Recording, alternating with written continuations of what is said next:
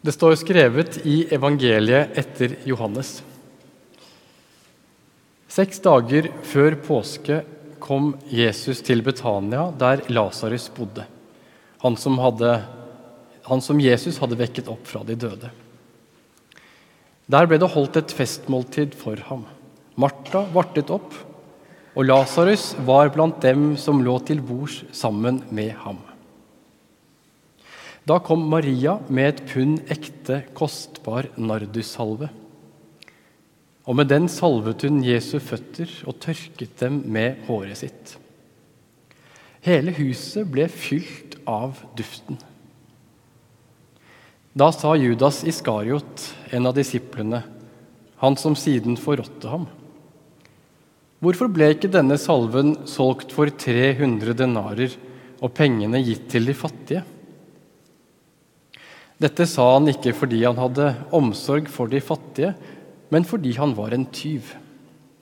Det var han som hadde pengekassen, og han pleide å ta av det som ble lagt i den. Men Jesus sa, 'La henne være'. Hun har spart salven til den dagen jeg skal begraves. De fattige har dere alltid hos dere, men meg har dere ikke alltid.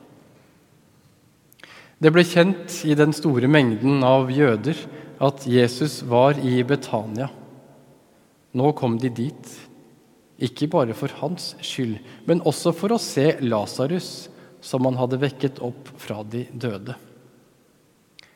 Da la overprestene planer om å drepe Lasarus også. For mange av jødene dro dit på grunn av ham og kom til tro på Jesus. Dagen etter fikk folkemengden som var kommet til festen, høre at Jesus var på vei inn i Jerusalem. Da tok de palmegreiner, gikk ut for å møte ham, og de ropte, Hosianna, velsignet er Han som kommer i Herrens navn, Israels konge. Slik lyder det hellige evangelium. Gud være lovet. For noen år siden så hadde jeg fri på palmesøndag. Og Da fikk jeg oppleve palmesøndagsliturgien eh, som de gjør det mange andre steder i verden. Jeg var i Paris, og der startet eh, gudstjenesten på utsiden av kirka. Der sto alle medvirkende, hele menigheten. Jeg var der ganske tidlig, så jeg hadde fått tak i noen palmegrener. For de solgte det fra små oppsatte campingbord på utsida. Klokkene ringer, og prosesjonen starter. Vi følger etter korset, rundt kirka, inn midtgangen og finner plassene våre. Og Fra starten av så ble to symboler viktige. Korset og palmegrenene. Og disse ble for meg stående som to veivisere inn i påska. I tillegg til å lese om Jesus på vei inn i Jerusalem leses også hele lidelseshistorien. Det gjør vi ikke her i dag, men korset er likevel synlig i liturgien. Men også i hukommelsen, fordi vi vet at om bare noen dager så er det lang fredag. I dag, med krig i Ukraina, har korset og lidelsen kommet hit gjennom bilder, men også konkret gjennom de som søker asyl. Og Bare den siste uka så har det vært flere ukrainere innom her i domkirka med sine fortellinger. Korset symboliserer Jesu og all verdens lidelse. Det er samtidig et symbol på at Jesus overvinner lidelsen gjennom oppstandelsen. Korset er symbolet som binder sammen det som skjer i dag, i den stille uke og i påska. Palmegrenene er for meg et uttrykk for håpet om at korset ikke er endestasjonen. For meg er den stille uke og påska en fortelling om at Gud kan gjøre noe med oss. At vi også kan oppleve oppstandelse i våre liv. At vi kan bli fri fra skam, frykt, synd og skyld. Og at ingenting av det vi gjør, kan skille oss fra Guds kjærlighet. Men nøkkelen inn i dette er stadig å ta det imot på nytt. Jeg tror Gud er mer surdeig under heving enn et butikkbakt spiseklart brød. Gud er mer som en levende kultur, en ferdig utmeislet konstruksjon. Mer prosess enn fiksert størrelse. Det sier jeg fordi jeg synes at jeg erfarer det i mitt eget liv. Jeg har hatt nytte av å sette ord på min egen troshistorie. Det brukte jeg en del tid på under studietida. Og når fortellingen lå foran meg, så var det lettere å se det som jeg i dag tolker som Guds tilstedeværelse og nærvær i mitt liv. Og i denne historiefortellingen kunne jeg også legge fram egne nederlag og skuffelser. Og jeg kunne oppleve at hele min fortelling ble tatt imot og lyttet til av medmennesker. Det ble tålt. Og i det så erfarte jeg både frihet og verdighet. Min egen lille oppstandelse.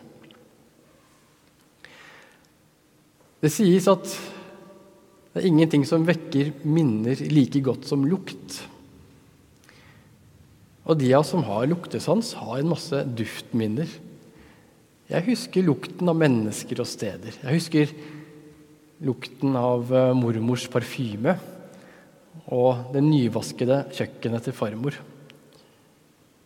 Nardusalve det har jeg ikke lukta på, men det er grunn til å tro at den dufter godt.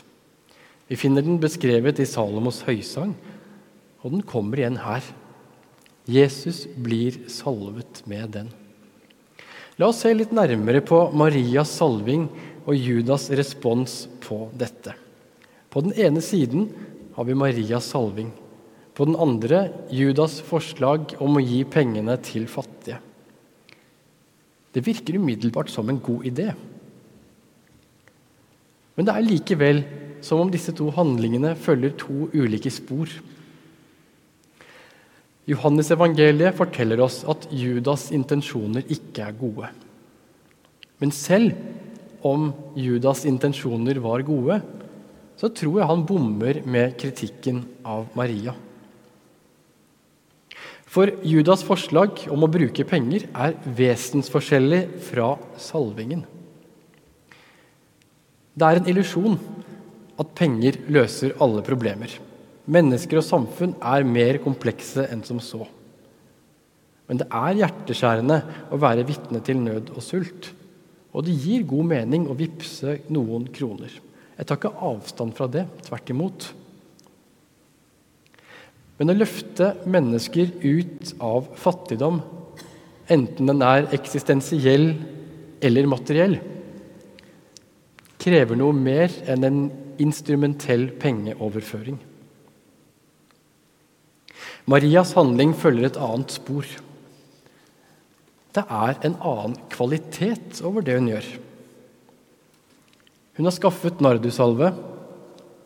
Hun viser sin hengivenhet ved å salve Jesu føtter. Og hun tørker føttene med sitt eget hår. Hun utfordrer oss til å tenke to tanker samtidig. Ja, vi skal vippse. Men vi skal også salve. Den siste uka har det dukket opp et spørsmål i møte med den teksten. Hvordan lukter Gud? Til min oppdagelse så har jeg funnet ut at folk har lurt på det samme før. Og mange steder er jo røkelse aktivt i bruk. Og på 1500-tallet så fantes det i Nederland bl.a. små bønnenøtter. Bitte små kunstverk i tre med sirlige utskjæringer på innsiden. Det ser ut som valnøtter. De kunne åpnes, Og på innsiden så var det ulike oljer. Det lukta. Så man kunne ta det opp i løpet av dagen. Man kunne se Jesus på korset, og man kunne dufte. Ta det opp, åpne, lukte, se og be. Så hvordan lukter egentlig Gud?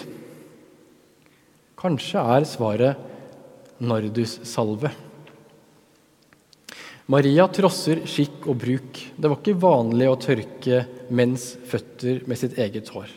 Men det ble for henne et sterkt uttrykk for hengivenhet og kjærlighet. Maria salver Jesus. Salving i Bibelen ble ofte gjort som kroning av konger, som uttrykk for gjestfrihet, til velsignelse av syke eller av døde. Hode eller kropp ble smurt inn med en velduftende salve.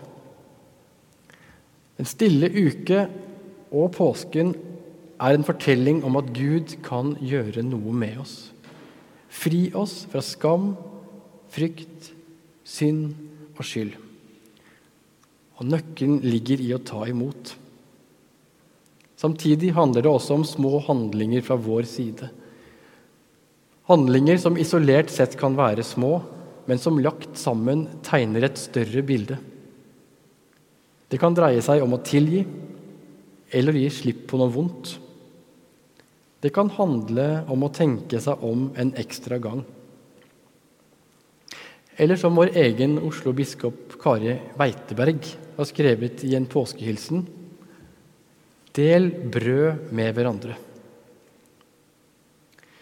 Påskens hendelser er like mye til for Judas som for Maria. Jeg tror det Gud ønsker seg mest av alt, er at det dufter av nardussalve på jorden. At vi salver hverandre. For det er duften av Gud. Kors, oppstandelse, palmegrener, nardussalve. Dette er essensen av palmesøndag, den stille uke og påske.